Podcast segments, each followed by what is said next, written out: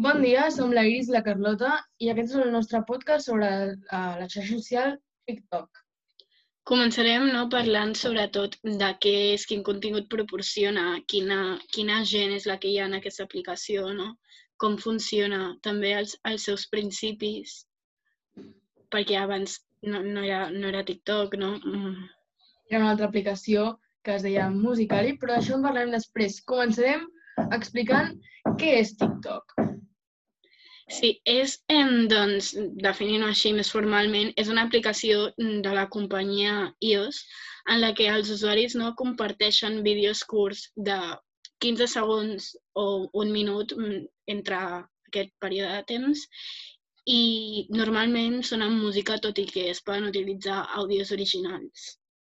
Sí, i aquesta aplicació eh, hem sabut que ha crescut increïblement des que la van llançar al mercat al principi era musical i, doncs, d'això en parlarem als seus inicis, i doncs tenia un, un, uns usuaris que era bastanta gent, però res a veure amb el mes d'octubre de 2018 amb els que acumulava 180 milions d'usuaris diaris.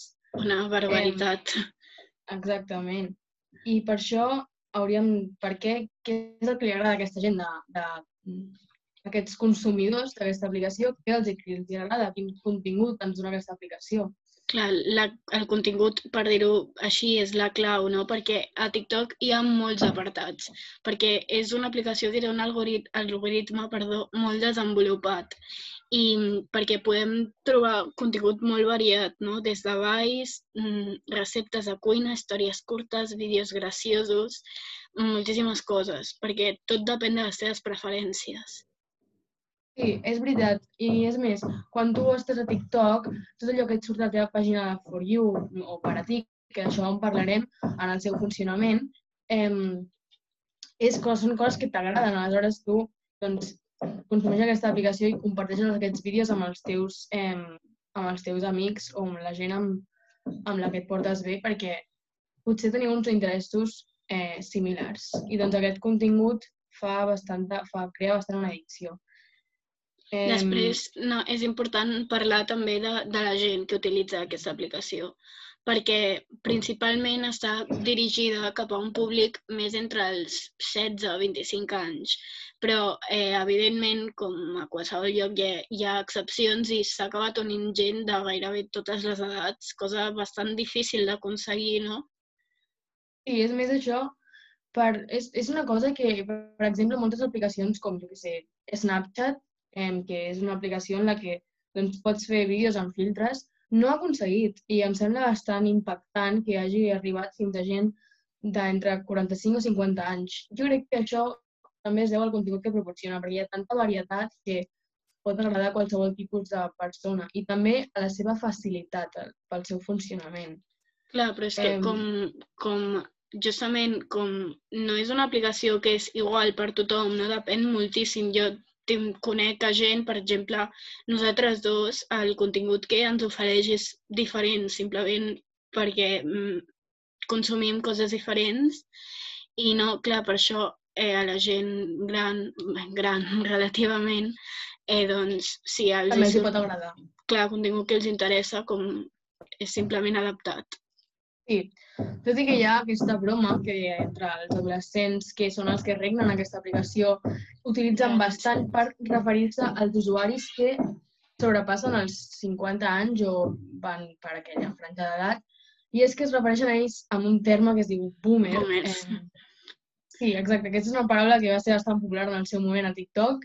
Es van fer molts vídeos sobre això i és per referir-se bàsicament a aquells adults que van néixer en el baby boom o simplement per referir-se als adults. Sí, gent que no sap utilitzar la tecnologia, no? Potser una mica. Sí. Després, eh, doncs, és molt important també com funciona TikTok, no? Perquè permet mm, crear, editar i posar música i penjar vídeos mm, d'un minut amb menys d'un minut gairebé. És una cosa molt simple. Sí, aquesta, aquesta facilitat per crear vídeos ha fet que hi hagi, que hi hagi aquesta gran franja d'edat. I és que l'utilització d'aquesta aplicació és molt fàcil. Simplement hem de mantindre apretat un botó si volem gravar seguit o podem posar el que diem manos libres eh, i posar un temporitzador, o també podem posar, indicar quants segons de cançó o d'àudio volem gravar i anar tallant. I aleshores després sortiria sí. com seguit.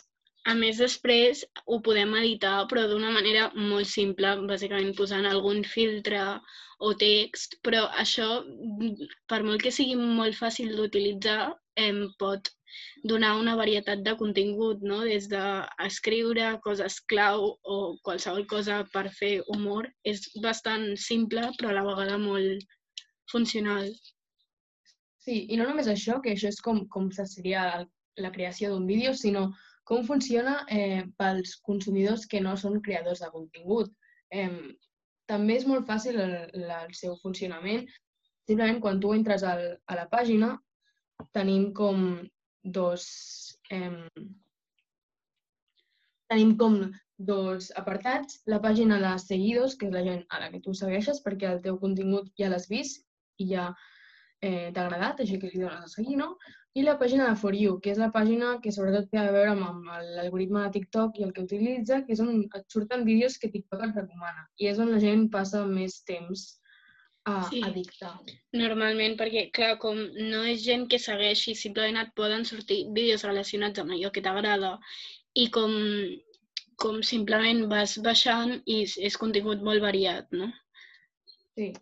I això, aquesta, aquesta manera de és una cosa de les que s'ha afegit des de que TikTok va començar sent Musicali. Musicali eh, era una empresa, bueno, una xarxa social bastant similar a TikTok, però sense tanta edició. Simplement era un vídeo musical en el que tu et movies, feies gestos i ho penjaves en una aplicació que va ser bastant exitosa en el seu moment, però res a veure amb TikTok.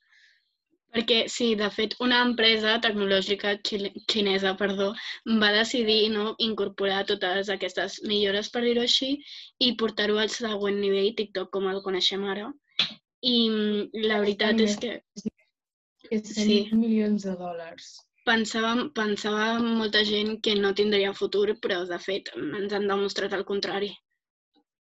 Sí, i és que hi ha aquest, aquesta quantitat d'usuaris que té diaris que hem dit que eren 180 milions diaris a l'octubre del 2018, eh, eh, té a veure amb l'addicció. Eh, aquesta aplicació té un problema, entre cometes, perquè per ells, per, per els, els, sí, a ells els hi va bé, no? propietaris els hi va bé, no? Però és que hi ha molta addicció en aquesta aplicació i és perquè quan tu estàs a la pàgina For You o a la pàgina de seguidors, eh, els vídeos que et surten són curts i són tots bastant diferents, no és tan monòton com, per exemple, Instagram.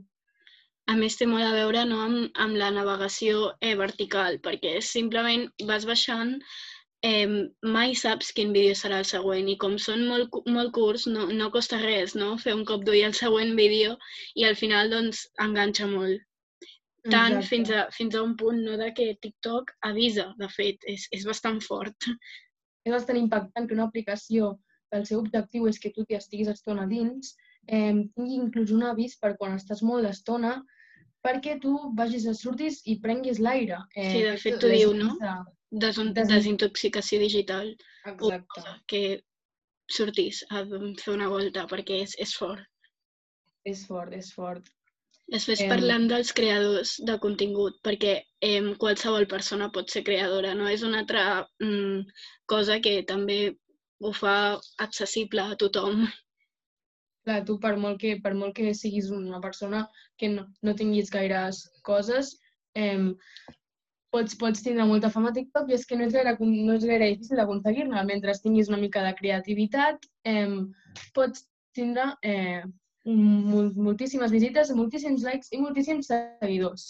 A més a més, no, els creadors més importants, els, alguns, com hem dit abans, porten des de Musical.ly, i, però també hi ha d'altres que s'han unit ara a TikTok i que han crescut mm, increïblement en molt poc temps, com per exemple no, la Charlie d'Amelio, que és molt jove i ja està rebent moltes crítiques i és molt fort, però bueno.